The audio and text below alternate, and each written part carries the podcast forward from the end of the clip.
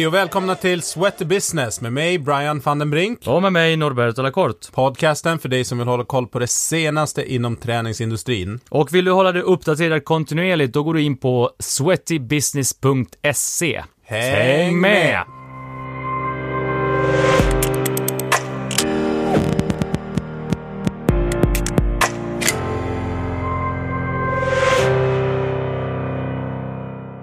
Gött! Gött! Back from the dead. Tillbaka från stora landet i väst. Ja, herregud. Mitt i natten här. Eh, eller där, borta i Los Angeles. Ja. Nej, men tillbaks från ehm, en tur till Kalifornien, Los Angeles och eh, San Diego. Mm. Ehm, så att eh, lite tidsomställning här. Men, eh, Skönt jetlaggad. Yes. Men vi ska ju bränna igenom lite, eh, fem stycken eh, spaningar ifrån LA. Där jag gjorde en liten eh, tour på lite olika butikgym som vi fokuserade på. Och sen fem stycken spaningar från Ursa då som är en mässa och eh, konvent egentligen med föreläsningar under två dagar. Var vi där i alla fall. Hyfsat stort. Mm, det är stort. Gigantiskt. En av de största som, eh, som är i världen faktiskt. Ja, det var den största mässan var det. Men jag tror Fibo, eller ja, Fibo är större. För att Fibo innehåller, Fibo är då mässa, motsvarande i Tyskland. Men de innehåller ju massa andra delar också. Men jag tror också business to business-delen. Mm. Som egentligen är då det som ställs ut på Ursa. Det är ju egentligen bara leverantörer till gymbranschen. Det är ingen konsumentdel överhuvudtaget. Men det är ju... Den är också större på, på Fibo. Men, eh, ja, men det var bra. Så att eh, tanken är att bena igenom lite grejer som man har sett där. Mm. Och eh, vi som jag refererar till var ju några svenskar som var där som gjorde en gemensam resa. Bland annat eh, Jonas och Staffan från Sports Club Education. Och Per-Anders Dagborn som äger Sports Club Vallentuna. Och Patrik Nygren från 360 uppe i Skellefteå. Och sen hade vi Johan Nilsson från Barry's Bootcamp Stockholm. Skönt gäng. Ja, så det var... Det bästa av allt måste vara att du träffade Arnold. ja, det var helt sjukt faktiskt. Tränade Nu får du med, berätta om det. det var ju... tränade med Jonas på Golds gym i Venice. Och ja, alltså det är ju originalgymmet någonstans som startar hela kommersiella gymbranschen med Arnold och gänget på slutet på 70-talet tror jag, början på 80-talet där då han och eh, de som var stora då tränade tillsammans i, i Venice. Och eh, såklart, så han är, hans larv lever ju vidare där i allra högsta grad i filmer och bilder och massa grejer. Man har ju behållit maskiner från lång, lång tid tillbaka och sen har man lagt till så att det är ett modernt gym och det är ju riktigt mycket folk där. Men så skulle jag och Jonas sticka därifrån och då uh, tittade jag på någon person som jag trodde var en annan än svensk. Och så bara, nej men det är inte han, är lite större den här. Och så tittade jag vidare på nästa person så bara, fan jag känner igen den här gubben. så, så bara, wait a minute. Så att Arnold och körde biceps curl i någon maskin. Tog du han mitt i, mitt i sättet då va? Nej, nej, nej. Jag gick bort till Jonas och bara, Jonas, är det inte han som sitter där? Och Jonas höll på att tuppa av. Han bara, vi måste köra lite till, vi måste ta en bild med honom. Nej men vi vågar inte, eller det ju disrespect att komma och hålla på och härja mitt under passet. Så att, men jag gick bort och frågade hans eh, så kallade livvakt då, som var någon två meter lång jäklar. motorcykelsnubbe. Eh, som först ignorerade mig när jag frågade första gången och sen andra gången så, eh, så sa han att det var okej efter träningen. Så att vi hängde kvar i typ en kvart, 20 minuter då. Kom han till receptionen och var det cool.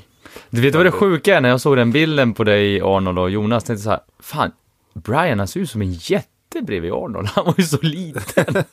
Just på den Men bilden. vad är han? Han är typ 70, Ja. han är 70 plus. ja, ja visst. Nej men han var, jag, jag vet inte, bilden blev ju lite sådär, jag är ju betydligt längre än han i och för sig, men eh, sen tror jag att han, man tror att han är större, för att på film, Ja, exakt. så jämfört med liksom vanliga Hollywoodskådisar så är han ju enorm liksom. Sa du det han? I thought you were bigger. Nej, kändes inte som läge. Inte med livvakten bredvid. Nej, inte sett det vad han har Ja, gjort fan vad heller. roligt. Nej men eh, så, nej men han är ju såklart, han är ju lite mindre nu. Men nu ska han ju vara med i Terminator igen.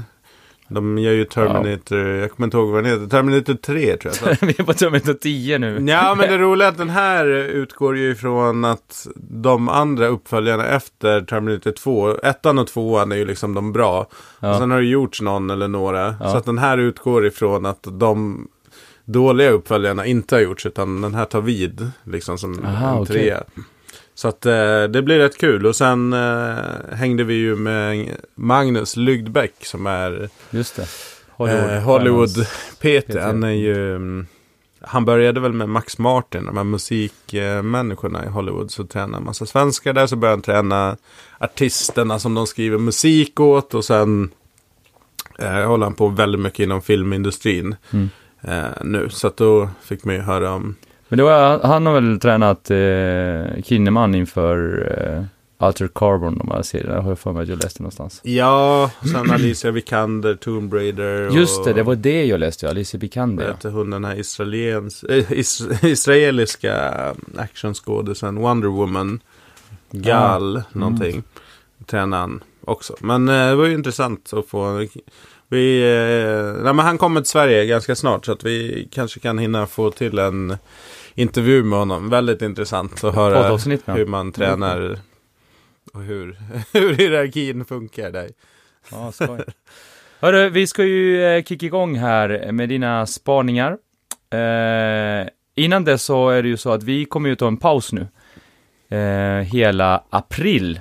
Och vi kommer att komma tillbaka med nya avsnitt, nya krafter i maj. Yes. Och mm, däremellan så ska vi göra massa kul och det går ju självklart att följa på sweatybusiness.se. Så att vi är ju inte borta på något sätt utan det är bara podden som tar en liten paus. Vi brukar ju ha lite pauser, eh, säsongspauser och sådär. Yes, vi är Mm. fortfarande sponsrade av eh, Your DNA. Precis. Scandinavia. Så att... Eh, 15 procent har vi va? Yes. 15 procent. Ni har det. Eller, ja, vi. Ni har 15 procent eh, på Your DNA Scandinavia, alltså DNA-analyser, oavsett vilket man vill göra. Mm. Och då går man in på your-dna.se och så använder man en kod, Brian. Vilket är det? Sweaty 15. Sweaty15. Jag var osäker på om det är Sweat 15. Nej, Sweaty Och 15. eh, det lägger man in då när man checkar ut i shoppen där. Yes. Får Bra. man 15% rabatt. Eh, ja. Så your-dna.se och få 15% på om du är intresserad av att göra DNA-analys.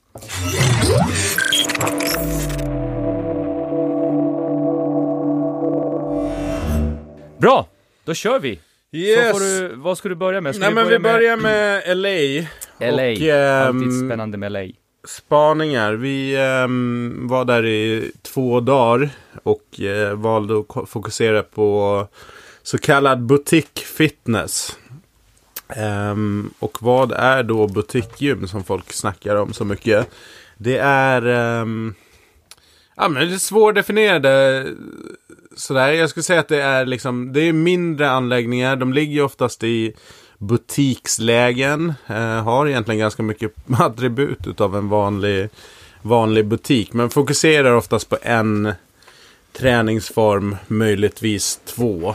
Mm. Ehm, som sagt var, mindre anläggningar, mindre antal medlemmar och eh, ett fokus helt enkelt. Ehm, jag hade nog föreställningen innan att butik var lika med mm, lite exklusivare. Och det är exklusivt fortfarande ska jag säga i termer av antal medlemmar man kan ta in på varje eller antal liksom, betalande kunder. Men prismässigt och utförandemässigt skulle jag säga att det är en otrolig flora utav Alltså? eh, Det står variation alltså. Ja, du har ju prismässigt ligger de väl ungefär i samma samma kategori liksom. All, 25 dollar någonstans om du köper ett klipp Ja. till 16-17 dollar om du köper olika paket liksom. ja. Eh, så det är också en grej som Och då snackar vi per klass alltså. Ja, exakt, per klass. Så att det är ju också en stor grej mot kanske traditionella gym att man... Och jag funderade på det igår, bara nytt. Nej, det är inte så nytt med klippkort egentligen. Det har ju funnits innan även här, men det är stort fokus på klippkort Ja. där.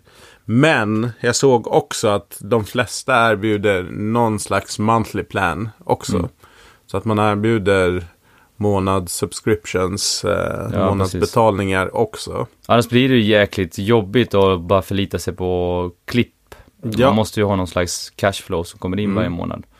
Och sen är det ju mycket färre antal medlemmar som får plats i och med att det är mindre lokaler. Så att därav Yes. priserna också kan jag tänka mig. Mm. Nu vet inte jag priserna i, i LA och längs med Venice Beach. Jag kan tänka mig att det är rätt dyrt att hyra lokaler där.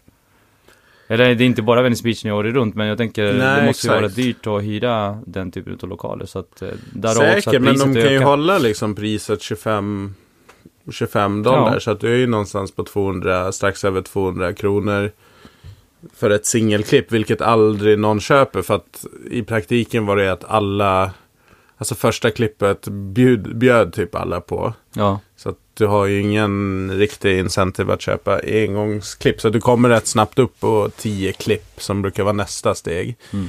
Så, um, men jag vet inte, real estate, liksom hur den hyresmarknaden ser ut liksom. Nej. Men det är, prismässigt så håller de ju ungefär samma som, ja men, vår kanske enda riktiga liksom fullt ut, full, full grown butik i Sverige, Barry's Bootcamp, det är ju ungefär samma priser. Men jag vet också att Stockholm är en ganska dyr stad. Ja. Eh, kanske inte LA och New York dyr, men jag vet att på kontors och butikssidan så ligger vi ganska högt i Europa, topp 5.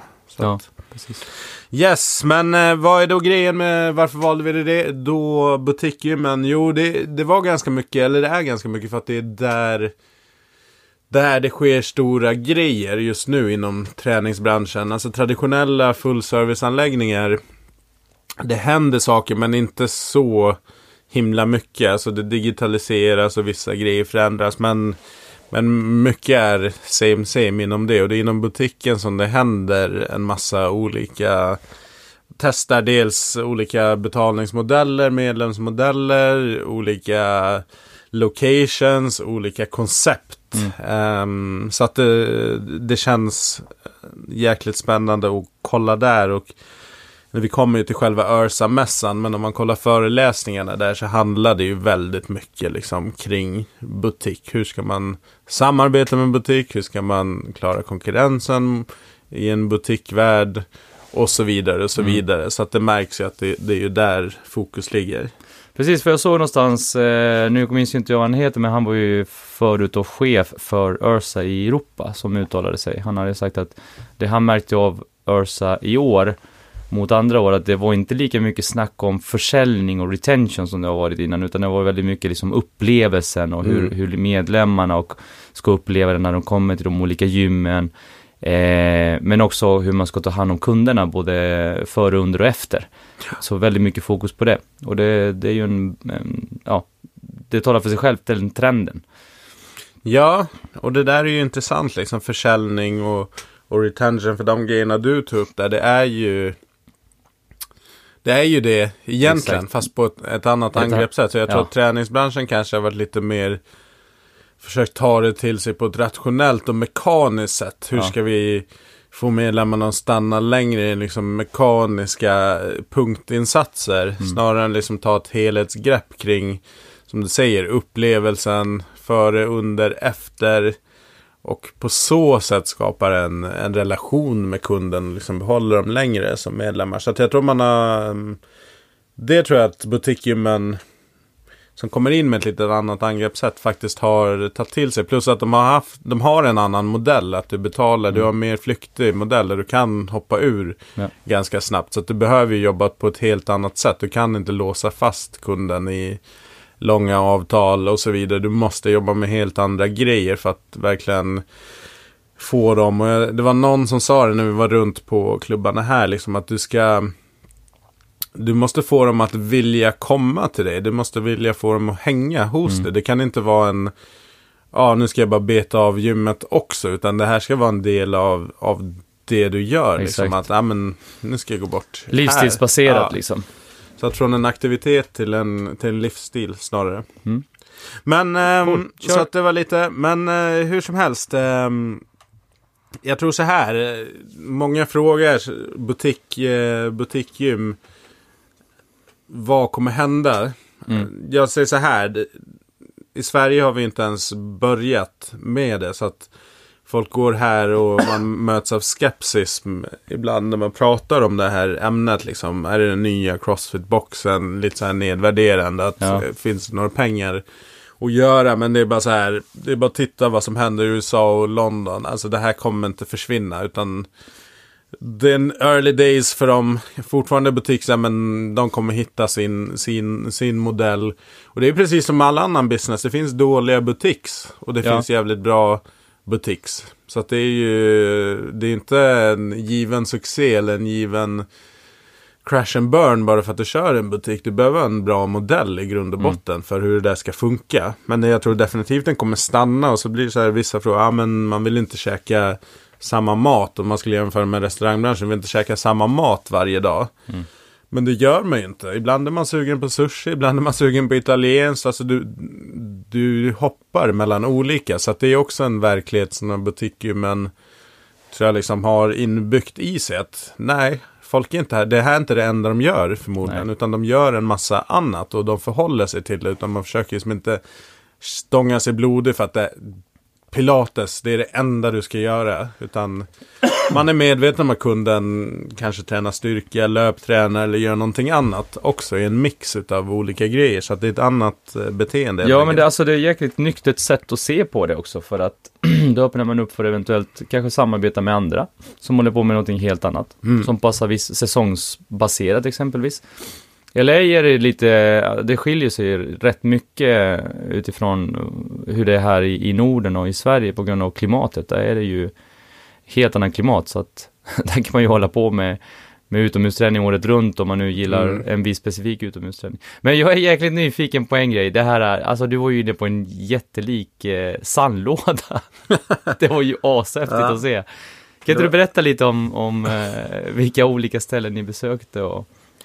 Nej men exakt, det, var, det här specifika var ju då Sandbox. Sandbox Fitness på Instagram. Eh, nej men de har... ehm, och det är roligt att alla de här butikerna har en story. är Amerikanerna är, jävligt duktiga på storytelling. Sen är de mer eller mindre bra stories. Men det finns alltid en historia. Här var då en uh, tjej, nu kommer jag inte ihåg vad hon heter. Men hon och hennes man var tydligen skadade. Då, så att då ville de hitta um, ett sätt att kunna träna på. Men eh, och göra det hyfsat skonsamt mot lederna. Så att då testade de någon träning på stranden eh, i sand. Och då märkte de att det var schysst liksom för lederna. Och så då tänkte de att ja, men skulle man inte kunna göra ett koncept av det här inomhus och träna. Så att de tog fram det här som är då en, eh, ett butikkoncept. De har två anläggningar nu. Mhm. Ehm, så det är en stor sandlåda inne i, ja, det såg ju ashäftigt ut. inne i gymmet. Med någon specialbehandlad sand. Så de sa, it's the most expensive sand you ever touch. Eh, nej men den är behand, behandlad för att inte ehm, svett och bakterier ska fastna på sanden. Så att eh, det, det, liksom, det gror sig inte in i det utan det förångas på något sätt. Don't ask me why. Men right. eh, hur som helst. Nej, men, men sen egentligen i grund och botten så är det ju olika typer av träning. Det är det som är så roligt. Träningen i sig är ju ganska basic. Och liksom, det är inget nytt. Nej. Du har TRX-träning i sand. Du Ja, har, ja, de hade ju ställningar i taket, Ja. eller hur? Så man kunde hänga T-rex. de hade yoga i sand. De hade bootcamp i sand. De hade barnträning i sand. Ja. De har också några special, speciella sur, surfboards.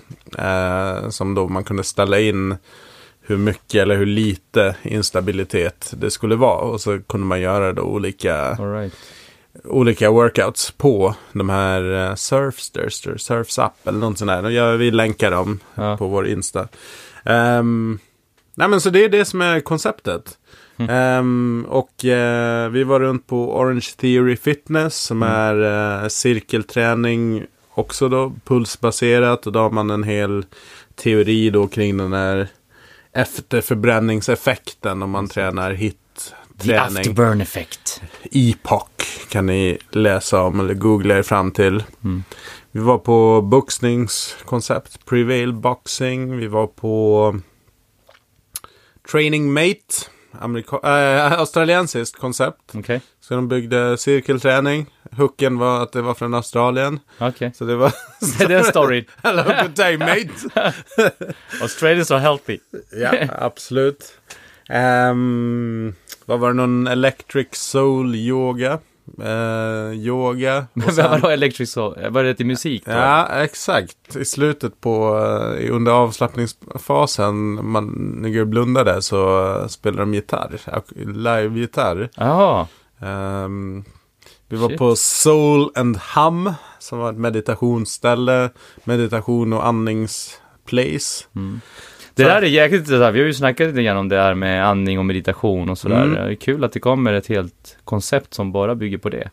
Yes, så att eh, det var massa olika. Det, och det är oftast eh, koncept pratar om här då. Det är ofta tar man en träningsform och sen bygger man en hel grej kring det. Och sen cykel, boxning, mycket fusions i LA. Man blandar eh, thai-boxning och eh, rörlighet. Mm.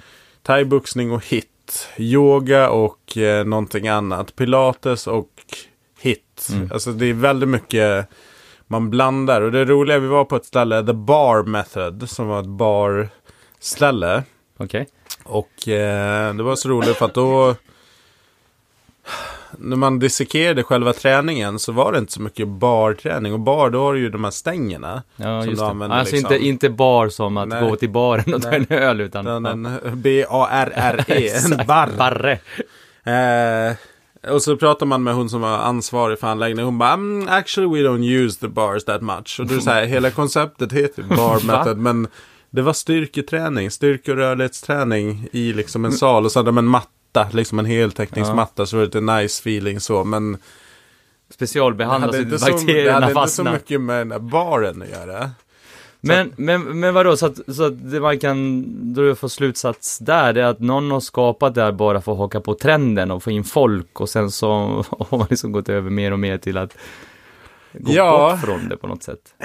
Och jag tror att för Johan Nilsson som var med och som har Barrys i Sverige. Han, han, han, vi pratade om det här och han sa att ja men de dåliga koncepten. Det är kanske, eller de svaga koncepten. Det är kanske de som börjar famla. Och så börjar man addera saker och gå ifrån det som var tänkt från första början. För vi hade ju vissa som körde kanske en träningsform, cykel och sen hade man en PT-studio och sen hade man också hit-träning och så hade man massage. Alltså då börjar det bli väldigt mycket. Då börjar det ju helt plötsligt bli en mini fullserviceanläggning. För att Just du ska liksom möta upp en massa. Ingen aning om hur det går för dem. Men det känns som att de som är vassast på butik. Och då, då tror jag ändå man måste kika på de som, som har lyckats konceptualisera och liksom kunna rulla ut många anläggningar. Då har du Orange Theory Fitness, du har Barry's Bootcamp, du har Soul Cycle, du har Pure Bar. Sådana. Och då är det så här, de har en grej. Ja, Det är inte... Vi pratar om pizzameny nu på den här resan, liksom att man... Ah, Fastän är du bäst på någonting, är du en indisk restaurang, varför ska du ha massa husman och Ja, annat bara för att, ja men folk kanske vill ha det. Mm. Istället för att vara grymmast på indiskt eller vara grymmast på cykel. Och jag tror det ligger jäkligt mycket i det om du ska lyckas som en butik. Att du är extremt specifik och du blir sjukt bra på det du gör. Sen är ju inte träningen allt. Lika mycket är ju allt annat runt Exakt. omkring där. Men Men det är ju så här inramningen, alltså Ja. du kommer in någonstans och du känner av, precis som de här sandbox-grejen som jag tyckte var väldigt spännande utifrån aspekten att ja, men tror jag att jag kommer få en bättre träning där än jag kommer få någon annanstans? Nej, förmodligen inte, men det är ju att man går all in, mm, verkligen. det var roligt med sandbox. Det är kul med amerikaner. De tar gärna till sig överord och, och tror att inte folk har koll på grejer. För att det första som kläcktes ur där, det var så här. Ja, du bränner 60% mer kalorier på allt du gör här i sandlådan. Och vi bara... Uh, Okej. Hur går det till? Och så läste vi på hemsidan, då står det 30% så det känns, de här claimsen som de, de drar ur sig, det är så här, mm, det är inte alltid världens substans i, Nej. i det. Jag vet inte, en annan målgrupp som kanske inte är så påläst går på det. Liksom. Man tror att ja, men gör en knäböj i sand så blir den 60% mer effektiv liksom, i ja, fettförbränningssynpunkt.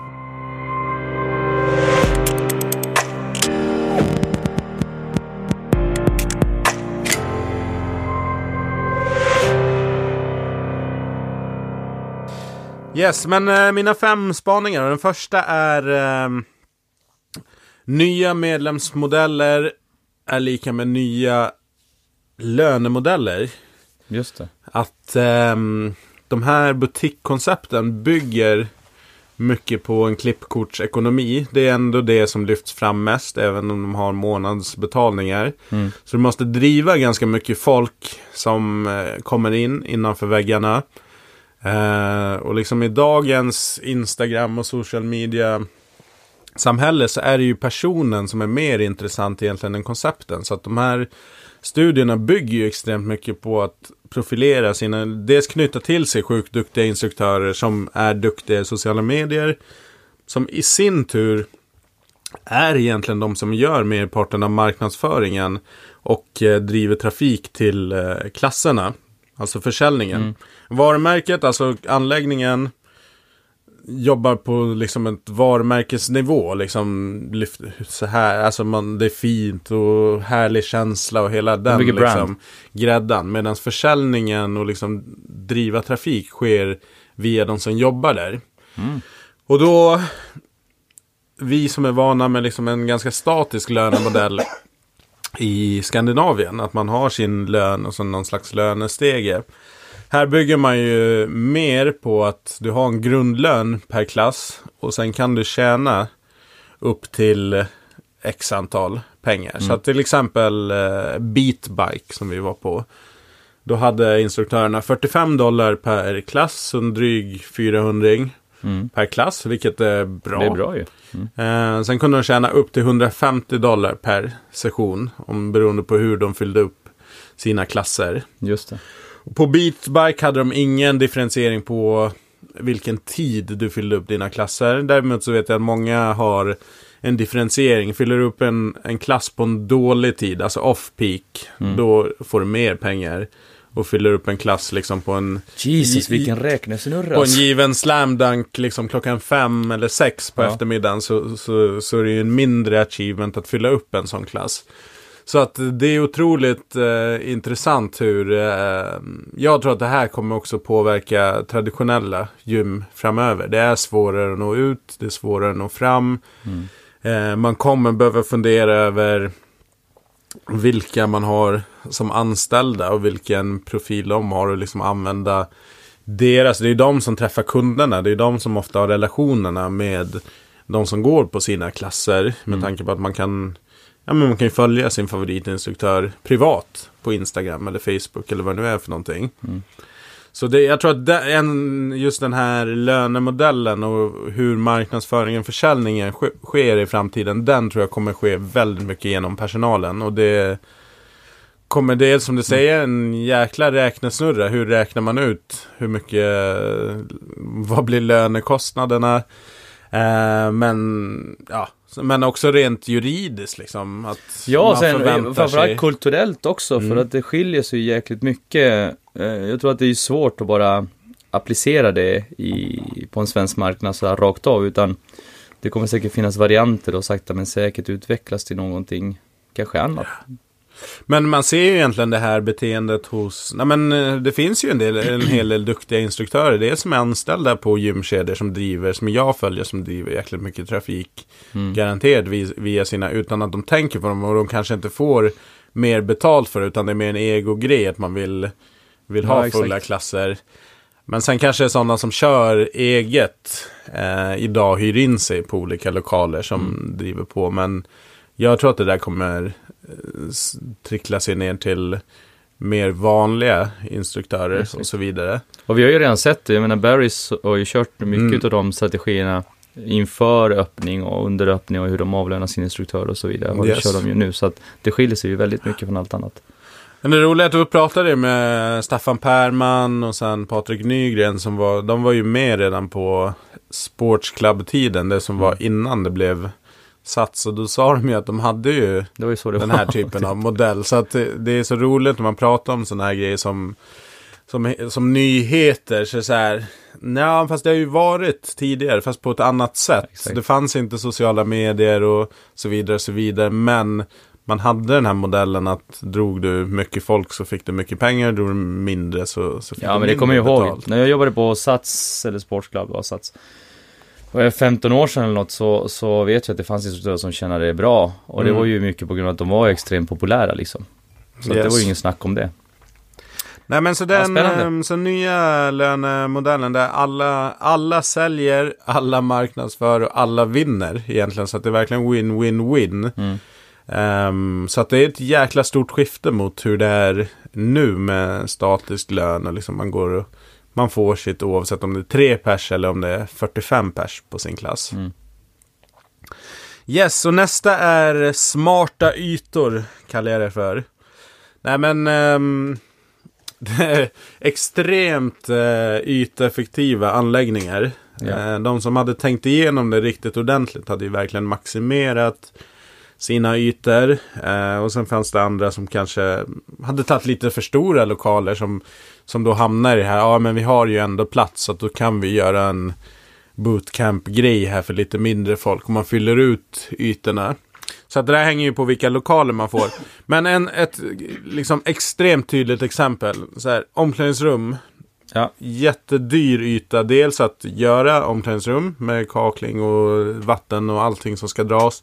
Men sen också att faktiskt omklädningsrum står ju tomma större delen av dagen. Det är ju liksom på morgon, lunch och kväll Ja, som precis. folk duschar. Så det var väldigt många som inte hade någon dusch alls. Nej. Och eh, de som hade duschar hade ofta inte ett klassiskt duschrum som i Sverige utan man hade du kanske hade en korridor med fyra stycken omklädningsbås eller fyra stycken toaletter slash omklädningsbås och sen hade du på motsatt sida hade du fyra stycken duschkabiner som du Ja, gick in i. Så att extremt liksom minimera de, de här dyra ytorna som kanske inte ger supermycket värde i en, på en marknad som Kalifornien eller USA generellt där du åker mycket bil, åker bil till gymmet, sen åker du därifrån. Så det är relativt snabbt hemma liksom. Mm. Ehm, så jag vet inte, applicerbart är i, i Sverige. Det är ju några som kör det. Jag vet exempelvis eh, många crossfit-boxar som... Eh, jag vet inte om det finns några som absolut inte har någonting. Men det finns ju exempelvis Faktor i, i, eh, Västerås. i Västerås. Där har de ju bara två rum och så duschkabin i varje rum liksom. Mm. Så att det är ju, men det är ju som du säger, herregud, vad kostar en kvadratmeter hyra i Stockholm? Det är 4000 spänn per kvadrat. Eh, och bara man räknar, räknar så, då, då förstår man ju ganska snabbt att shit, det kostar otroligt mycket att bara ha en yta som knappt används. Mm. Så Ja, jag antar spännande. att det är liksom, sen blir det väl också lite så här, ja men okej, beroende på vart man ligger då. Ligger du där och har mycket folk som kanske tränar på lunchen. Så kanske det ställer andra krav. Ligger du någonstans där det ligger mer bostadsområden. Så, så, så kanske du inte behöver ha lika stort beho- behov av dusch och sådär. Mm. Men det var extremt tydligt att man, man vill inte lägga mycket pengar och utrymme på den här delen. Så att allt som man kan kapitalisera på gör man. Och Mm. det ligger ju lite i sakens natur med den här affärsmodellen. Att du, har, du måste liksom minimera dina, dina kostnader och, och maxa intäkterna. Mm. Eh, Sen har vi location, location, location. Exakt. Nej men eh, extremt viktigt. Alltså du kan inte... ehm, det var flera där som vi pratade med liksom som dels har slått igen på andra locations och flyttat. Tro, tror på konceptet så att de öppnar upp på ny, nytt ställe. Mm. Men de bara där funkade det inte av X orsak och där funkade det inte. Så nu testar vi här och vi ska öppna nu. Så att eh, man eh, verkar vara väldigt flexibla där i sitt, sitt tänk kring det. Men de, många var inne på av de gymägarna eller liksom platscheferna liksom att målgruppen, du behöver tänka igenom beroende på var du ligger någonstans som jag var inne på. Ja, men är du nära där folk bor eller är du nära där folk jobbar. Där har du redan en segmentering. Jag funderar på en grej, det här med, med location, för att du pratar ju om att man måste tänka igenom sin målgrupp. Men då måste man ju också göra hemläxan. Och kanske verkligen veta att det är så som man... För ibland kan man ju ha en föreställning om Ja men vi tror att här finns den här typen av människor, men man Mm. vet ju inte säkert. Jag tror Nej. att ju mer, alltså ju bättre du gör själva hemläxan och verkligen gör undersökningar och kollar läget demografiskt, desto mer chanser ju att lyckas. Mm. Nej men absolut, det, det, det går inte att chansa och, eller det är klart du kan göra det, men och ha en bra känsla för, för hur det är. Men man behöver göra sin läxa mycket tydligare. Sen är det ju också spännande då att många av de här koncepten ligger vägg i vägg. Ja. För att man vet, ja men då blir det lite så här kluster. Det ligger ett yogaställe så ligger kanske ett hitställe vägg i vägg. Ja, de precis. konkurrerar inte med varandra egentligen, de snarare kanske kompletterar varandra på ett sätt. Nej men eh, viktigt med location. Um, vi pratade också där, när vi var där, så kände man direkt så här, ah, man jobbar med sinnena mycket mer. Det är liksom, ehm, och en extremt tydlig grej var liksom dofter. Att ehm, de jobbar med, med doft på ett sjukt genomtänkt sätt liksom. Och sätter nästan en, en doftlogo. Varenda ställe du kom in på. Det var inte som i Sverige att det luktar, luktar gym och svett och träning och liksom gamla skor. Utan du kommer in och du får en fräsch doft oftast liksom. Vissa krämade ju på lite väl mycket med, med dofterna. Men du kommer in och får en väldigt specifik doft. Och det är ju intressant. De, nu tjatar vi om Barry's Stockholm. Men de har också en, en doft där. Om man går in där så är det en väldigt specifik. Eh, väldigt lätt doft men eh, ändå väldigt specifik. Det är väldigt spännande. Ja. Och förutom det så är det allt ifrån alltså, ljud och i viss mån ljus har vi här också. Men ljudet var ju ingenting speciellt. Men många jobbar med, med ljussättningar och Precis. allmänt. Vi kommer ju komma in på det i, sen på Örsa-grejerna. Men just kring interiör och varumärkesupplevelser. Men det tar vi sen. Så att eh, dofter, enormt stark trend. Cool. Och sen skulle jag ha fem stycken här, men bara en sjätte så här, spaning. Eh, Vi har ju pratat mycket i den här podden om digitalisering och det är många som är på det, det spåret.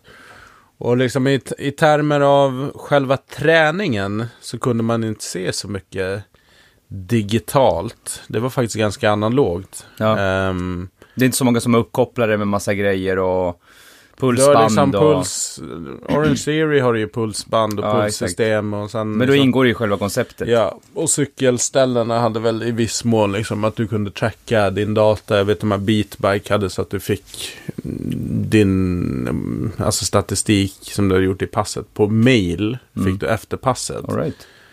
Så att... ehm, men däremot ofta väldigt smidiga flöden liksom. Och boka, betala och så vidare. Så vidare. Men ganska analog träning. Det var intressant. Men det där är, de, alltså digitaliseringen där är ju mer som, som du säger att det är friktionsfritt, det är alltså ordet som börjar bli lite uttjatat nu men, men betalningar och Ja men exakt, har du liksom den ditt, biten, liksom. är du medlem eller liksom signat upp på ett ställe så, så har du ju ditt kort kopplat till ditt konto. Så du behöver ju aldrig ta med ditt kort nej, och göra någon betalning på plats. Utan ja, men köper du någonting i, i butiken så dras det på ditt kort, på ditt konto. Eh, allt du gör där så att det är liksom extremt enkelt att göra saker. Köpa nya klipp. Du behöver inte liksom, ah, ha med mig pengar idag. Så att det är smidigt. Mm.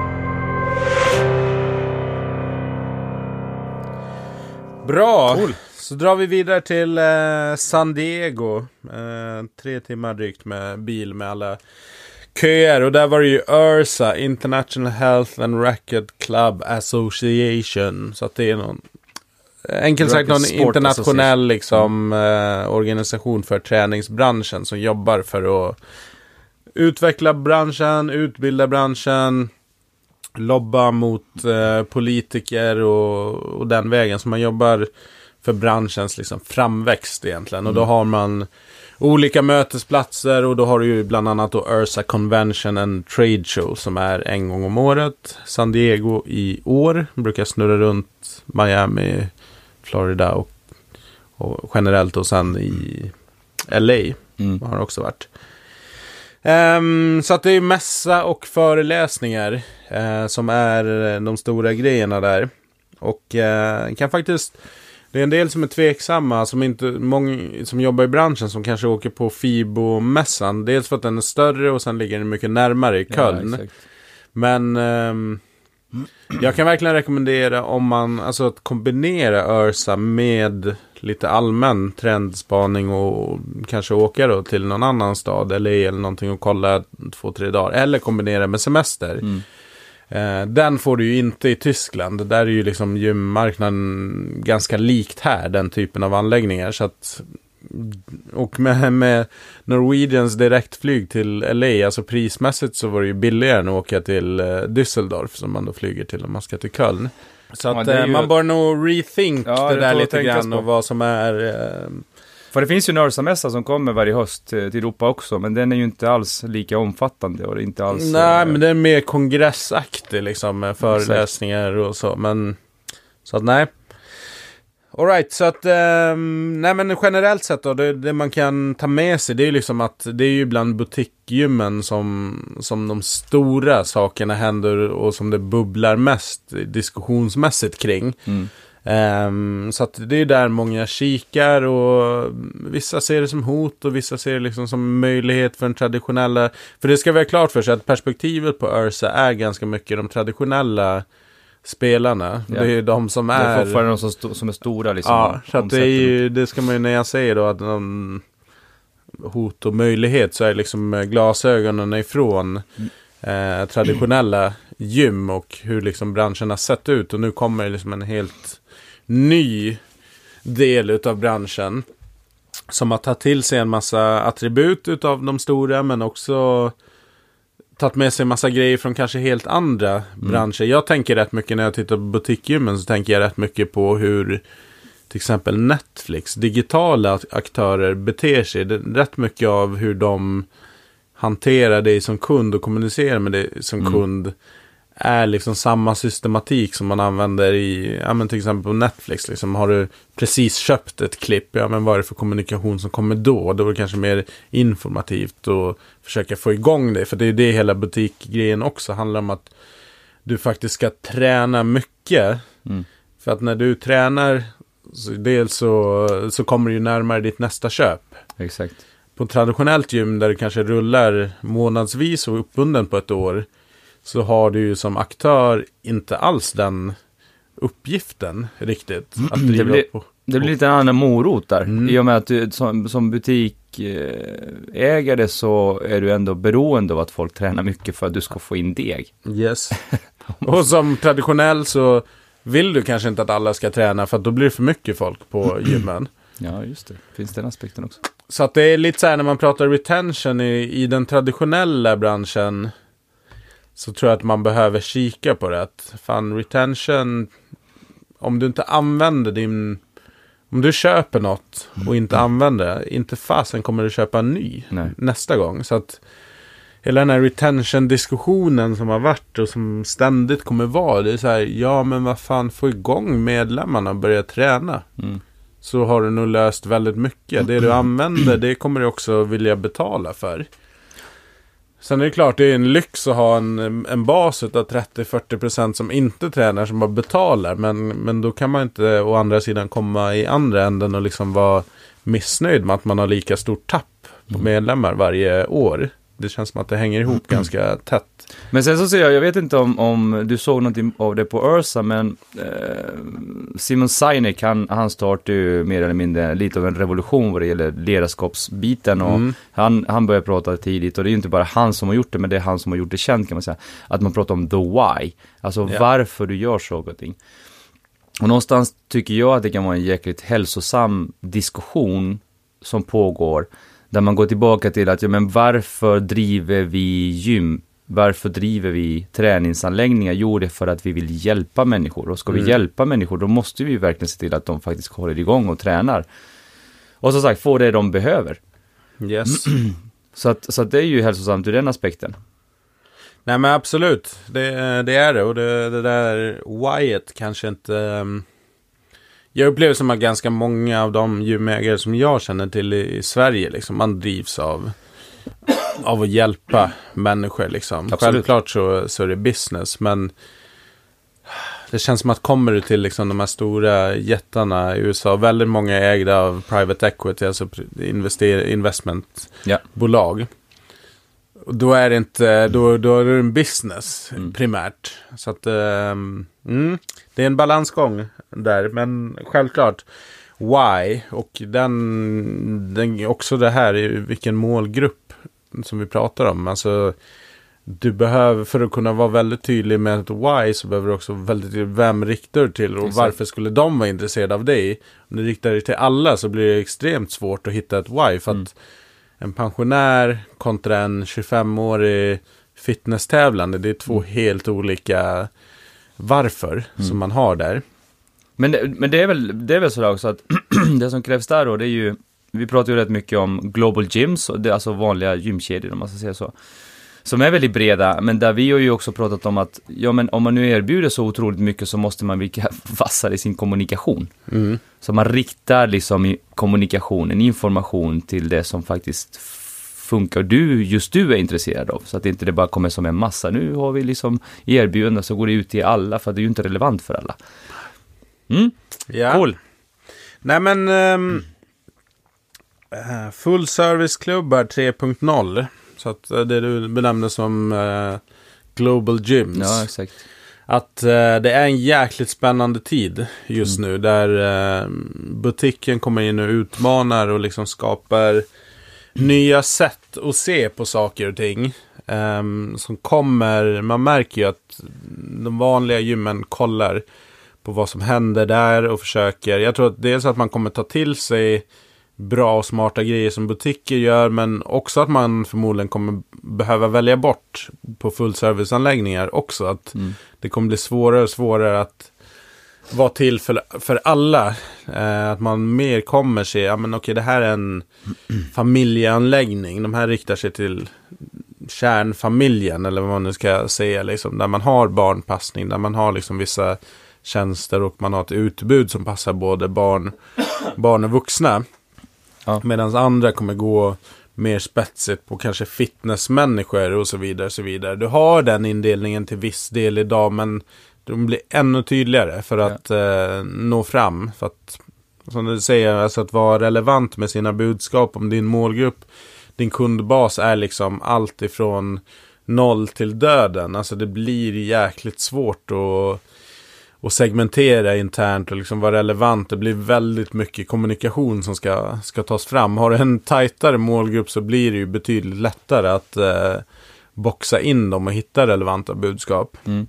Så vad, det- vad det är, det vet jag inte, utan det är nog bara en, eh, en ehm, liksom ett startskott, något som har rullat igång nu på riktig basis. För alla kan inte vara butik och alla kan inte vara lågpris. För att det är egentligen de två vågskålarna du har. Mid-market-aktörerna i USA i alla fall har ju ganska tufft att eh, hänga med. Så att ehm, vi får se. Jag tror tydligare budskap och att man kommer bli jävligt mycket duktigare på mer försäljning. För det är också en sån grej för butikgymmen är ju snuskigt bra på att sälja allt ifrån juicer till kläder till allt möjligt. Jag tror att eh, jag hörde en siffra på 30-40% av omsättningen kommer ifrån allt annat Shit, än det själva mycket. träningen. Mm. Och det tror jag inte att du är i närheten av på Nordic Wellness Sats eller någonting liknande. Jag tror att det finns nog en, en bra del som kommer ifrån det, men det är inte 30-40%. Det är Mm. fortfarande medlemskapen som är den Man stora. skapar ju ett brand liksom, som man kan lägga ut på allt från... Så jag tror en, en nyttig läxa så här skulle vara för de som kanske sitter där liksom stuck in the middle och liksom inte riktigt har hittat och inte vet vad man ska. Det är liksom så här, ta bort hela medlemskapsförsäljningen. Vad skulle du tjäna pengar på om du inte fick in pengar på medlemskapen? Hur skulle du liksom kunna kapitalisera på din kundbas? Mm. Eh, om inte du fick in pengar på medlemskapen. För det är egentligen så, Facebook, alla möjliga sociala medier funkar ju på det sättet.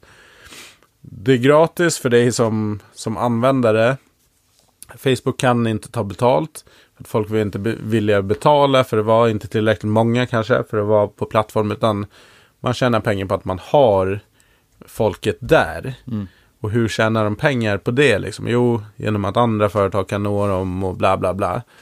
Så att eh, det, är- det är nog en intressant eh, liksom sån här workshop-grej som man skulle kunna göra. Hur man skulle kunna utveckla sin affär och tjäna mer pengar. Kan man dessutom addera medlemskapsförsäljningen till det så man ännu starkare eh, varumärke. Mm. Ännu en starkare affär.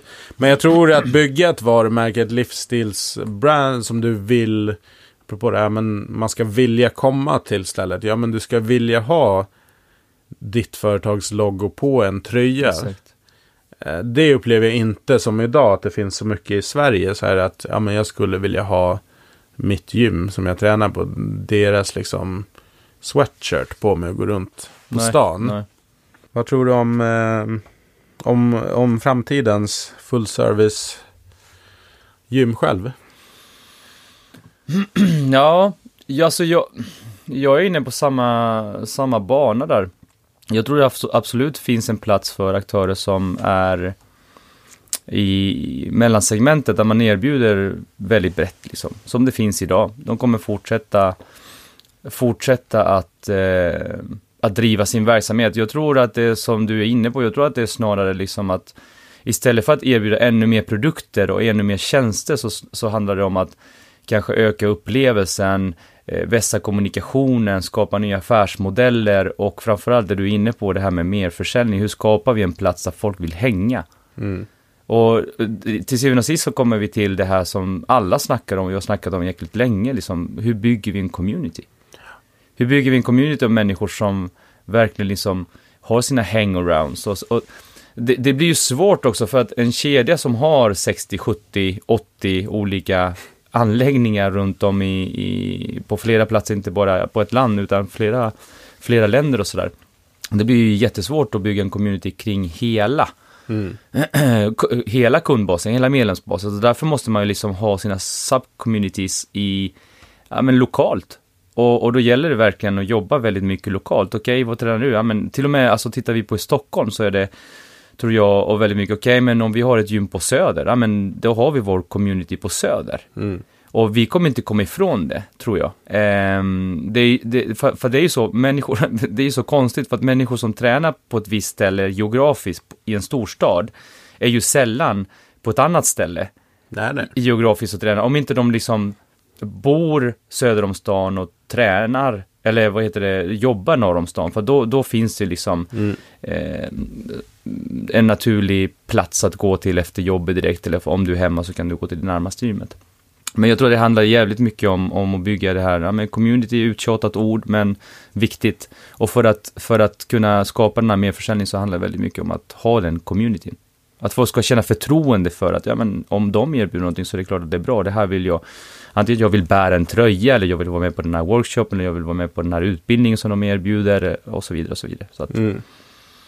Nej men och det är ju liksom så, eh, folk liksom hur, hur influencers tjänar pengar liksom och hur de, det är just det, de bygger ju upp ett följe, en community Ja. som gillar det de gör och tror på det de gör och sen litar de på att, ja men tipsar du om någonting så, så är det förmodligen bra. mm. Och det är ju samma mekanik och gör man det på ett schysst sätt så blir det inte så här, ja men de försöker kränga på mig grejer utan det blir mer så här, ja men fan vad nice att de har tagit fram de här hörlurarna som är co-brandade med mitt favoritmärke liksom eller liknande. Så att um, det finns mycket att göra där. Eh, jag tror försäljningssidan generellt sett, fan de är ju jäkligt duktiga på ett annat sätt naturligt i USA liksom Mm. att Ja men vi blev otroligt bemött, bra bemötta på alla ställen. Det var ju som inte någon trött person som bara, ah, men som knappt ville sluta. Utan man försöker bara säljer in och berättar om sitt koncept. Ja ah, men ska ni inte prova? Ska ni inte? Det finns en jäkla stolthet i det. Ja, det här drivet. Jag, jag tränar ju på ett ställe nu och där är så här. De har tre olika receptionister som brukar stå där. De, de gör nästan allt för att inte hälsa. Och det är så här. ja men vad fan. Ja. Prata om retention och liksom, bara, men, säg hej, Ja. Titta, nicka, det räcker liksom. Mm. Det behöver inte vara värsta konversationen, men vi är så otroligt jävla dåliga i många Jag, fall. tror- jag tror att vi i Sverige, vi är så jäkla rädda för att uppfattas som säljiga. Mm. Och då, för att det är som att det är ett skällsord nästan att jobba som säljare, vad jobbigt liksom. Vi tycker alltid jobbigt, ja men någon ringer på kvällen och ska sälja någonting på telefon så tycker vi är asjobbigt liksom. Så att, Mm. Och, och människor som går in i branschen och ska jobba med träning, då blir det automatiskt så här, nej nej nej, jag jobbar med träning, jag jobbar inte med sälj. Eh, men i grund och botten handlar det om att fasiken bara vara trevlig. Mm. Öppen och trevlig. Och väljer man att jobba någonstans, väljer man att driva en verksamhet så ska man vara jäkligt stolt över det. Och det är klart att man vill snacka om det. Så att det är ju, det, men det är ju kulturellt liksom. Absolut. Yes, Eh, nej men vidare, tredje spaningen här då är eh, från mässan specifikt. Det är jäkligt spännande scanning tools. Eh, tre- 3D body scans. Exakt. Kro- kroppssammansättningar och annat. Ja, det är lite olika grejer där och Mm. olika typer. Då. Dels de som mäter kroppssammansättning och vikt så att du får... Och då kan man, ja men visst det finns massa så här våg, vågar, inbody och du har eh, Tanita och så vidare. Men här är det extremt grafiskt. Du får liksom upp på en skärm, du får en 3D-modell av dig själv som är jättetydlig vart allting sitter. Och sen ser du progressionen och regressionen under tiden liksom och extremt tydligt vart till exempel då fettet försvinner på kroppen. Så att det får ju helt nya... mm, Jag tror så här siffror på ett papper och någon tränare som berättar för dig. Det, vissa går igång på det och det är liksom rent rationellt. Ja, du ser att det minskar. Men när du får liksom det här grafiska 3D-modellen som du liksom kan vrida och vända på i alla möjliga vinklar. Du kanske har genomskärningar på låret, genomskärningar på bål och mage. Du kan liksom sätta ett virtuellt måttband på specifika platser liksom och se. Alltså det är så, det är så detaljerat som man blir så här bara ja för att du blev Wow. förvånad, eller hur? För att du Ja. tänkte så här, du förväntade dig att det skulle vara någon sån här trött, eh, pixlig Ja. gubbe på skärmen, Mm. men det var Nej inte men det riktigt var så. otroligt snyggt och, och schysst. Och sen har du ju andra då, screeningverktyg som till exempel Både PTs och vanliga anläggningar utan PT skulle kunna använda där du liksom olika kroppsavläsningar. Du, du gör en rö- rörelseanalys, du kan kolla balans, eh, styrka, överkropp, underkropp. Mm. Och då har du en kamera som eh, liksom följer dig, som eh, kollar varenda vinkel och vrå Ja. egentligen medans du gör uppgifterna. Så att du får också där extremt tydlig data på skillnader. Sidoskillnader i rörlighet, i, i vinklar på knän, höftbäckentippningar, framåt, bakåt, höger, vänster. Så Mm. att det som riktigt duktiga tränare kan liksom kan se genom, att, genom liksom sin erfarenhet och sin återberättare det och på ett framgångsrikt egentligen förmedlar till dig som kund Ja. kan du liksom få svart på vitt i form av en bildvideo med liksom grafer och vinklar och vrår och, och siffror så att det blir som du kan ta på det på ett helt annat sätt. Och då är det inte längre då behöver du inte längre de här superduper PT'na för att ta fram den här datan utan någon som är liksom hyfsat okej utbildad kan liksom genomföra den här typen av tester. Mm. Och egentligen är det otroligt intressant ur ett dels så här kundreseperspektiv. Att när du blir medlem, antingen att det ingår en sån här testbatteri. Så du får ett nuläge och sen får gå vidare till någon coach som du då pratar med eller liknande. Men också i uppföljning längs med vägen och så vidare och så vidare. Så att eh, vi pratat om det här, liksom att förlänga PTns så att det inte är bara de här timmarna på golvet. Liksom. Det, det ger ju otroligt intressanta möjligheter. Vi pratar mer försäljning. Jag menar, vem vill inte ha en uppföljningstest? Om du har fått ett visst resultat så vill du ju se vad har hänt Ja. flera månader senare. Har jag fått något resultat eller inte? Se skillnaden mellan kunder som har PT och kunder som inte har PT. Det lär ju vara en jäkla stor skillnad, inbillar jag mig, liksom hur man har förändrats under Får jag hoppas i alla fall. tiden. Ja, det vore, ja, det vore skandal annars. Nej men det är ju det här Ja. också att det, alltså oavsett, eh, du säger ju alltså utbildningsnivå och sådär, men det underlättar ju för att ehm, är du personlig tränare, har du utbildat dig personlig tränare så, så betyder det att du förmodligen har högre kunskap än den eh, alltså, genomsnittliga medlemmen som Mm. kommer in på ett gym. Och då, då måste ju ändå det finnas en, en personlig kontakt där, även om du har gjort en sån snygg eh, 3D digital liksom scanning så måste du ändå ha hjälp att analysera datan och vad ska du göra med den Mm. och få de här rekommendationerna. Men gör det här och det här så kommer det här att bli bättre. Så man får någon slags lite egen programmering för att, ja, kanske bli bättre på ena sidan av kroppen eller andra sidan av kroppen Mm. eller vad det nu innebär liksom. Nej men exakt och sen i termer av att kunna, mm, för idag då, om du som, som PT ska, många använder ju film. Eh, Man Mm. filmar sina kunder så ska det ställas upp på stativ, antingen med mobil eller padda eller med någon annan kamera. Och sen finns det liksom en, när du ska analysera det så kan det ibland ta lite tid att få fram det här. Eh, här är det då intressant om du har en fast installation och så ber du kunden göra whatever, overhead squats Mm. liksom, med, en, med en lätt vikt eller med en pinne eller någonting. Så kan du som tränare, du behöver inte bry dig om tekniken alls. Du kan stå och observera kunden, hur det utförandet.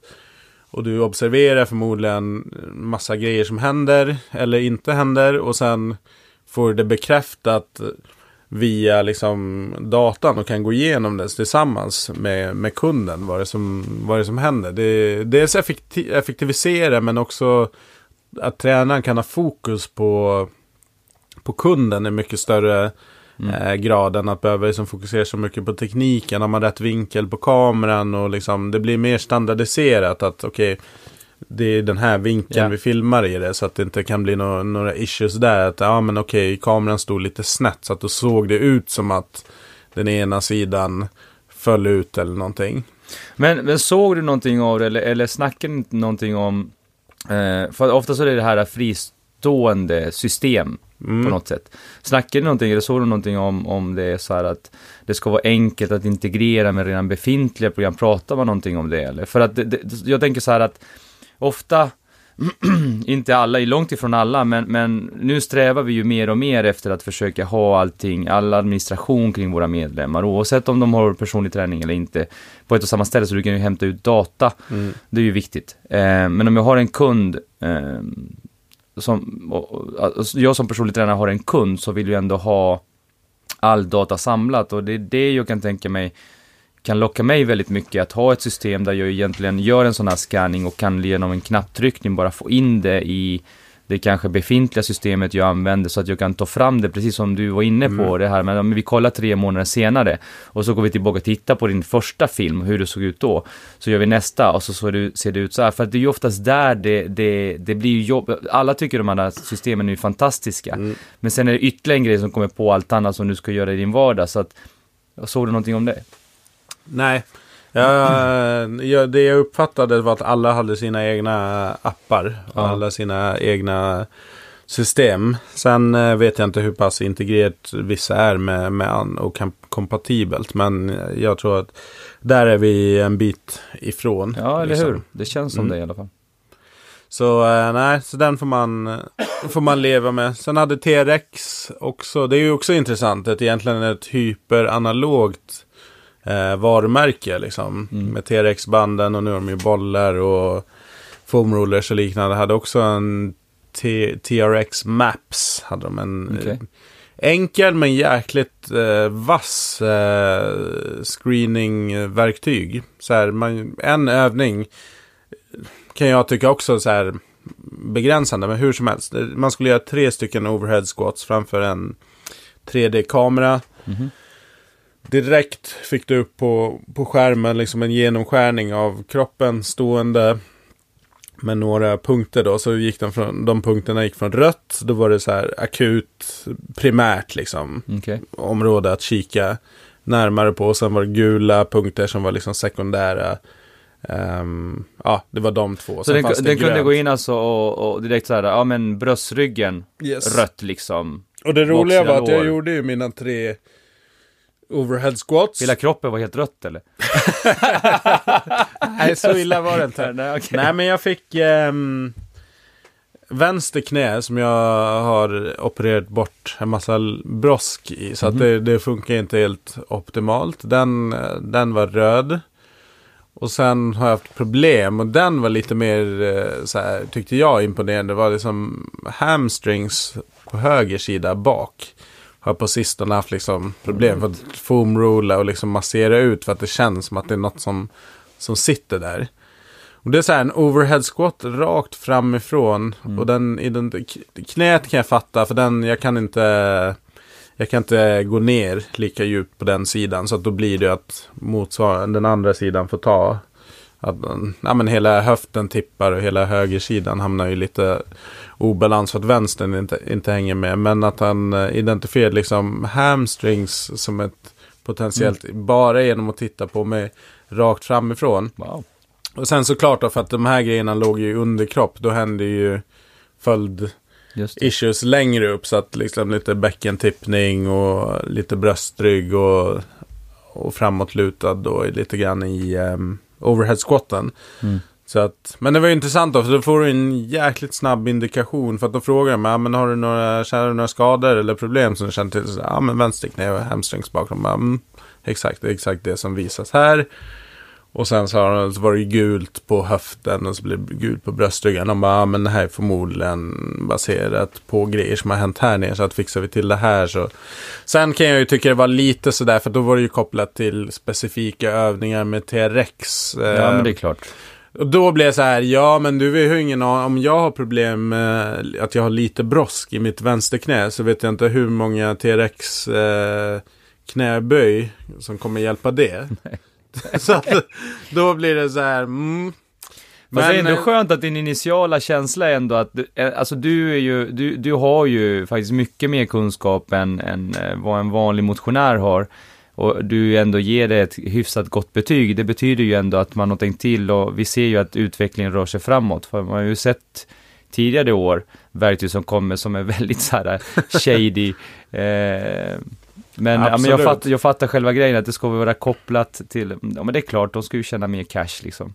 Ja men det är så här som en, just den här TRX-grejen ehm, som ett första så här verktyg. Jag ser nästan så här en lead-generator för PTs Mm. och lead-generator för medlemskap. Du kan ta med den ut på ett köpcentrum om du står där en hel dag liksom bara, ah, hej vill du göra en rörelseanalys liksom. Du kan stå där i dina vanliga kläder, göra tre overhead squat, du blir inte svettig, det kräver liksom noll effort av dig. Mm. Du får väldigt specifikt eh, frågor, eller svar egentligen, på, på problemområden. Alternativt ute i liksom PT-ytan eller liknande, liksom att, Mm. att fånga upp. Så att eh, den var ju lite enklare och den kanske har mer liksom syftet att dra in folk till, till PT. Men vadå, gjorde du inte en, en overhead squat i Holland en TRX över huvudet? Eller alltså, Nej, bara det? med armarna, liksom kroppsvikt. Bara, alltså, okej, bara Yes. rakt upp och med armarna. Ja, coolt. Yes, så att ehm, olika verktyg liksom så att du verkligen får datan på plats. Och då är det så här. Då börjar det hända jäkligt spännande saker. Sen är det ju alltid med data, vad ska du med datan till? Det är ju superviktigt att, eh, att veta. Men jag tyckte de här eh, som vi kikade på, dels den här mm, kroppssammansättningen Mm. och sen hade vi den här D-wall från Technobody som var mer omfattande med både fystester och rörlighetsanalyser och rörelseanalyser och sen hade du den här sista med TRXen som liksom en snabb screening verktyg. Så på 30 sekunder så har du gjort den klart, skickat in din e-postadress och liksom fått svaren på, Mm. på e-mailen. Otroligt spännande. Mm, Användarvänligt och för PTn och anläggningen och för kunden att förstå. För att du får det extremt grafiskt eh, hur det ligger till. Och sen har vi sista som eh, vi fick ju en fråga här också från Team Henrik på Instagram. Ja. Att eh, utveckla lite grann kring varumärkesupplevelse och eh, design. Mm.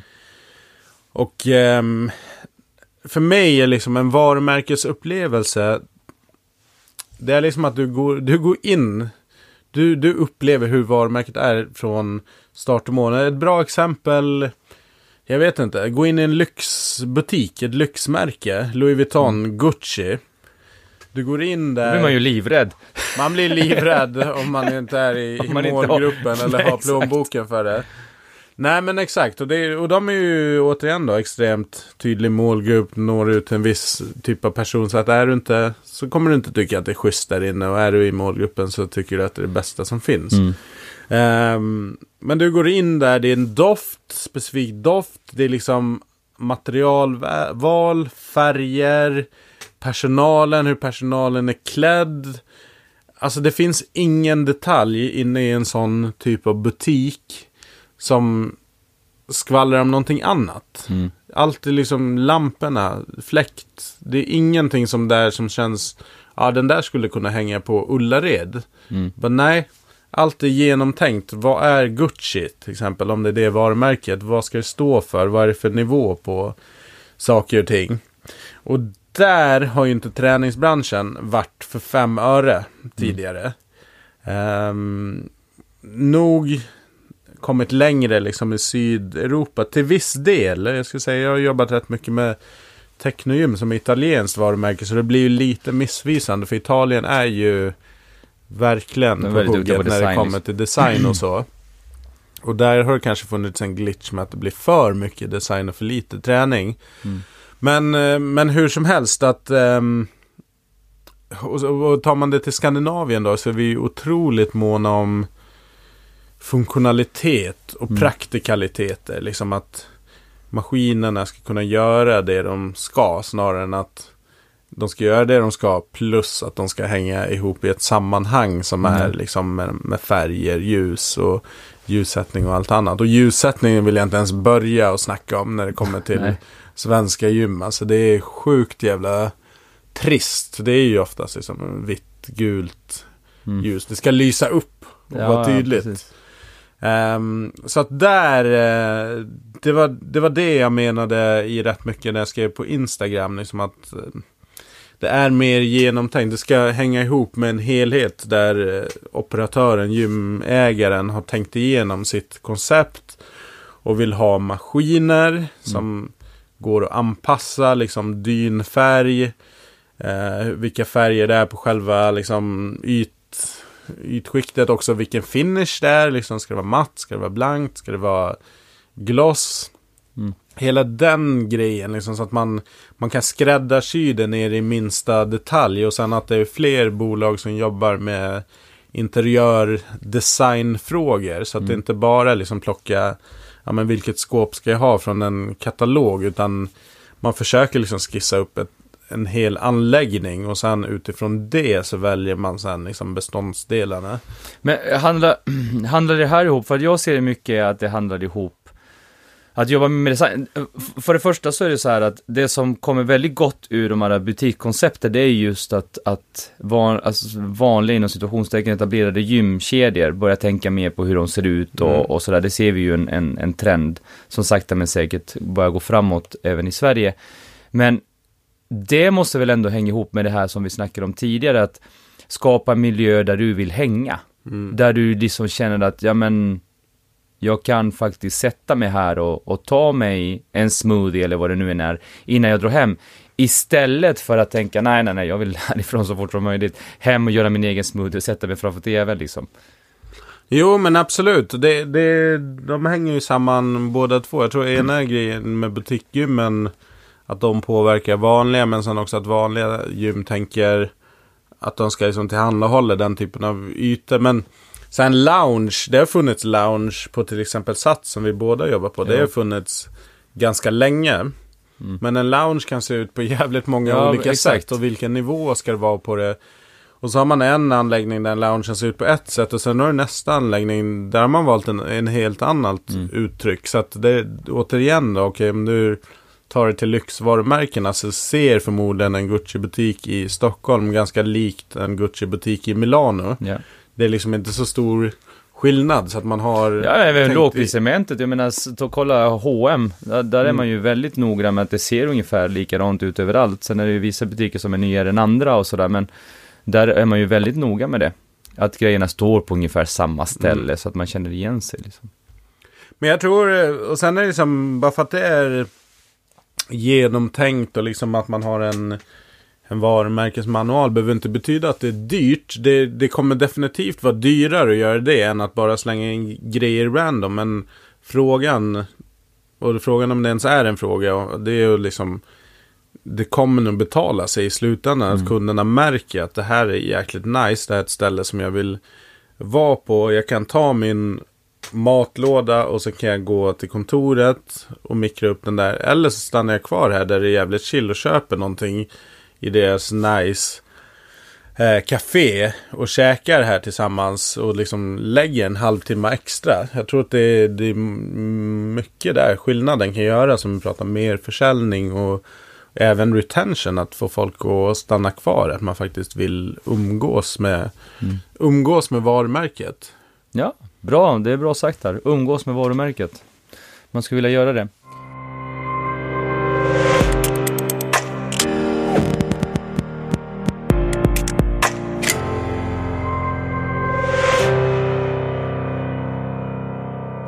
Var, det, var det fem spaningar eller? Det var fem spaningar från Ursa Cool. mässan.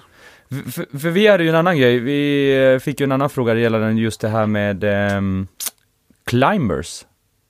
Eh, Just det, Det, är ju var- de här maskinerna som man alltså ställer sig i och så, Versa Climb. så Versa climb, ja. Om det Eh. fanns, ja frågan var om det fanns något koncept som, Ja, som var på frammarsch med Versa Climb.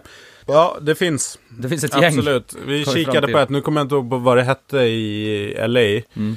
Ehm, men eh, det finns flera. Eh, Det finns kedjor i USA som håller på och växer fram Mm. med Versa Climbers. För det, det här är ju jäkligt spännande, för det är ju, det, det är ju just det här som har hänt nu de senaste åren att det började ju med cykel, alltså vanlig motionscykel. Och så var det Mm. någon som kom fantast, på den fantastiska grejen att varför bara ha en motionscykel ute i en gymyta som cardio-cykel, utan nej, men då gör vi en hel sal och så kör vi cykelpass liksom. Mm. Och det är ju det som händer nu, att nu hittar man, ja men, nu är vi inne på, eh, vad heter löpband. Mm. Som används i både Orange Theo- Theory Fitness och Barry's Bootcamp och ett gäng andra liksom. Och nu har vi sett med, eh, med Rumble exempelvis att ja, men, säckar kommer Mm. in på ett annat sätt. Och det är flera som har gjort det långt tillbaka i tiden också. Men man märker ju att ja, men, roddklasser och Versa Climbers och alla de här eh, grejerna börjar ju användas. Och det är ju fantastiskt för, för leverantörerna, de utrustningsleverantörerna. För helt plötsligt så, istället för att sälja två, tre, så kanske kan, de kan sälja 20, 30, 40 stycken på ett bräde. Så att någonting säger det här att vi kommer bara se mer och mer och mer och olika sådana koncept. För att helt plötsligt så kan de sälja så sjuka volymer eh, Mm. istället för bara sälja någon enstaka. Absolut. Så att det, det tror jag, som jag nämnde här när vi pratade om butikgymmen så var det ju... Så man hänger upp det på någonting och sen bygger man ett koncept runt det. Eh, risken med... en- Alltså, jag, nu, jag, jag har inte testat Versa Climber. Nej. Men det är ju så här... Ja, nej, jag vet inte. Ja, i och för sig, man kan ju bli trött på en cykel också. Så varför skulle man bli mer trött på en... Alltså trött på att träna på en Versa Ja, du tänker Climber? så? Att det blir en, enformigt? Enformigt. Just. I don't know. Men ehm, ja, nej, varför inte? Det är upp till gruppträningsinstruktörerna göra det. Det är riktigt spännande. Nej, men koppla på alla de här grejerna också med digitala system, med puls och, eller om det ska ändra färg eller, för det är ju så, det är ju, till, Mm. i slutändan så är det ju det som gör mycket av, vi pratar ju om upplevelser. Så ja, är det. spännande.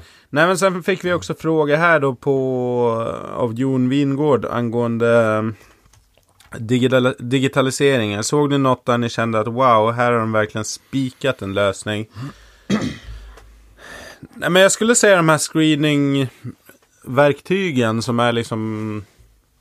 Där kände jag att det fanns ett par, tre stycken som spikat och spikat. Du vet själv Jon med digita- digitala grejer. Det är aldrig färdigt. Det kommer nya teknologier och det kommer nya uppdateringar. Så att Ja men av det jag har sett nu. Sen har jag ingen aning om prislapp. För det är ju också en sån fråga exakt. när det kommer en ny teknologi. Att ja men hur dyrt blir det? Det blir oftast jävligt dyrt när du inte har någon stor drift i det. Nej. Eh, så att det har jag ingen aning om. Men jag tycker de här screeningverktygen, eh, de var faktiskt wow. Eh, hur det presenteras och liksom vilken data man kan få ut av det. Annars såg jag ingenting eh, så som var någonting speciellt. Det var same old, same old på det mesta. Uppdaterade versioner av det som redan, redan finns. Mm. Eh, och sen frågar Jon också kring butik. Skillnaden eller stegen från butik till all inclusive. Eller vad man nu ska kalla det. Hur långt har man vågat bredda sig? Är det ett mer bara upphottade gym med snygg inredning eller syns det några hybrider där man bryter gränserna? Uh, ja, nej, men jag förstod frågan exakt rätt. Men om jag tar från butikhållet så såg jag vissa som närmade sig fullserviceanläggningar. Mm. Att man lägger till eh, olika träningsformer och tjänster. Så att man helt plötsligt står med 3, 4, 5, 6 produkter i sitt erbjudande. Sen om det är bra eller dåligt vet jag inte. Jag bara noterade att vissa hade ganska mycket i sitt utbud. På en mindre yta såklart. Men, Mm. men ändå erbjöd ganska mycket. Och, och sen med en viss, inte misstänksamhet, men, men ändå en viss... Om man tittar på det lite nyktert så finns det kanske en anledning till att de kanske någon gång har börjat väldigt nischat och breddat sig på grund av att de har sett att kanske, ja, det Mm. finns större affärsmöjligheter och kunna göra flera saker samtidigt. En fråga som dyker upp i min skalle, det är ju det som vi kanske inte ser så mycket av, det är ju faktiskt butikgym som erbjuder personlig träning va? Mm. Exakt. Stu, Peter Studios. Peter Studios är ju en Ja, sak, exakt. det finns ju... En, Nej en men exakt. Av de vi var på så var det ju bara en som hade PT Mm. uttalat i alla fall. Som hade ett PT-rum. Mm. Så. Så jag vet att Barrys i Oslo har en PT-studio. Mm.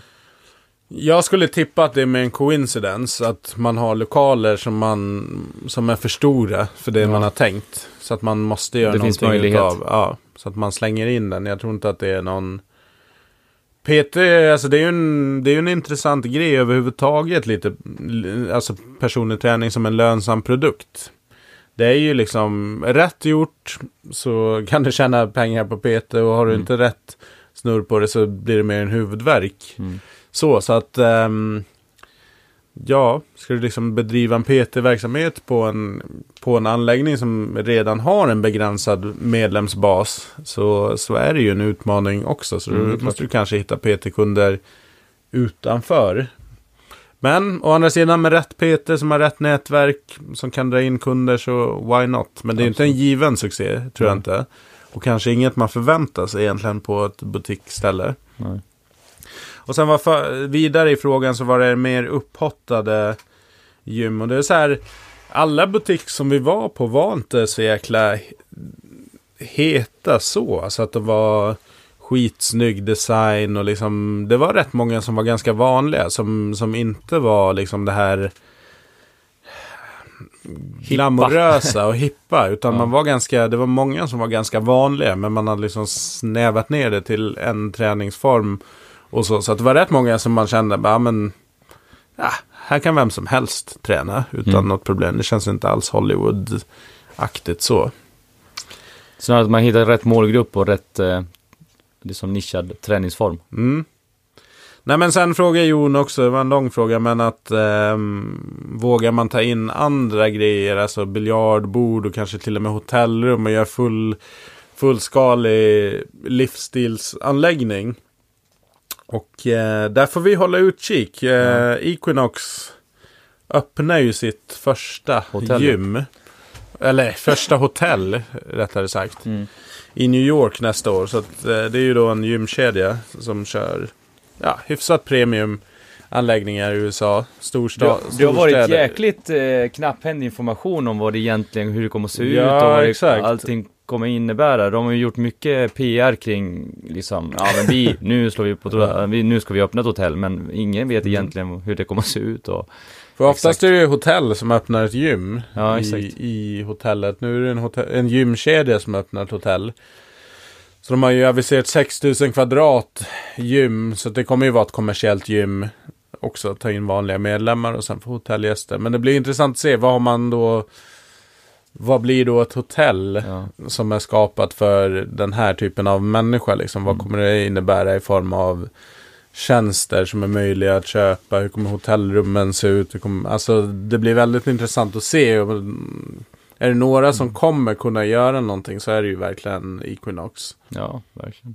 Alltså jag, jag tror det är så här att om det kommer upp hybrider så handlar det väldigt mycket om det som vi också pratade om i början, att då ska ytorna kunna optimeras max maximalt Mm. för att kunna kapitalisera på ytorna. För att jag tror det är svårare, nu vet inte jag riktigt hur det menas här med biljardbord och så vidare, men att det ska bli mer kanske som en men det här med, med exempelvis eh, gym och eh, arbetsytor, absolut, för att då kanske man betalar då extra för att sitta Ja. eh, per timme eller per dag eller vad, vad det nu är, när det är konferensrum och så vidare. Så det ser ju, det finns ju i Boulder, eh, USA, det är en, en, eh, en ort i USA, där eh, för många år sedan så etablerar man ett klätterställe som eh, erbjuder arbetsytor. Så folk Mm. sätter sig där och jobbar och sen så har de också konferensrum som man kan hyra.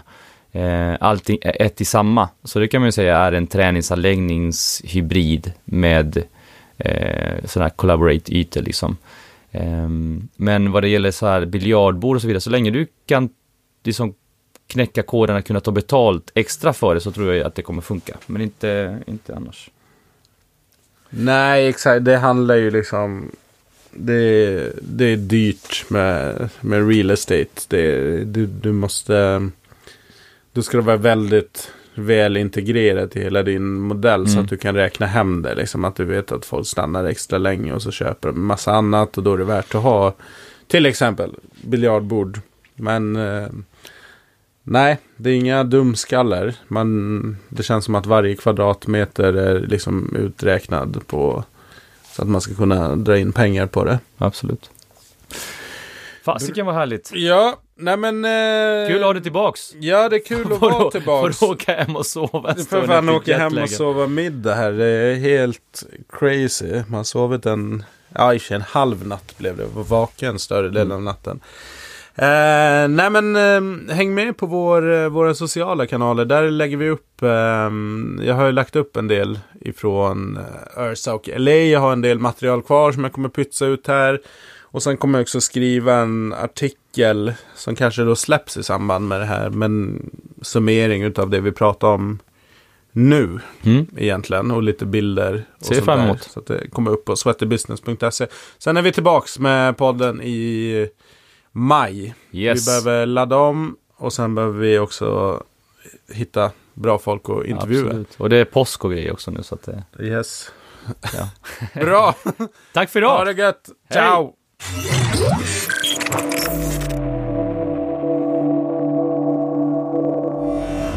Glöm inte bort att följa oss i sociala medier. Vart finns vi? Vi finns som Sweaty Business Media på Instagram, Facebook, YouTube och LinkedIn. Och ratea oss jättegärna i er poddspelare så vi kan nå ut till ännu fler lyssnare. Precis. Och glöm inte bort nu, vi finns på sweatybusiness.se.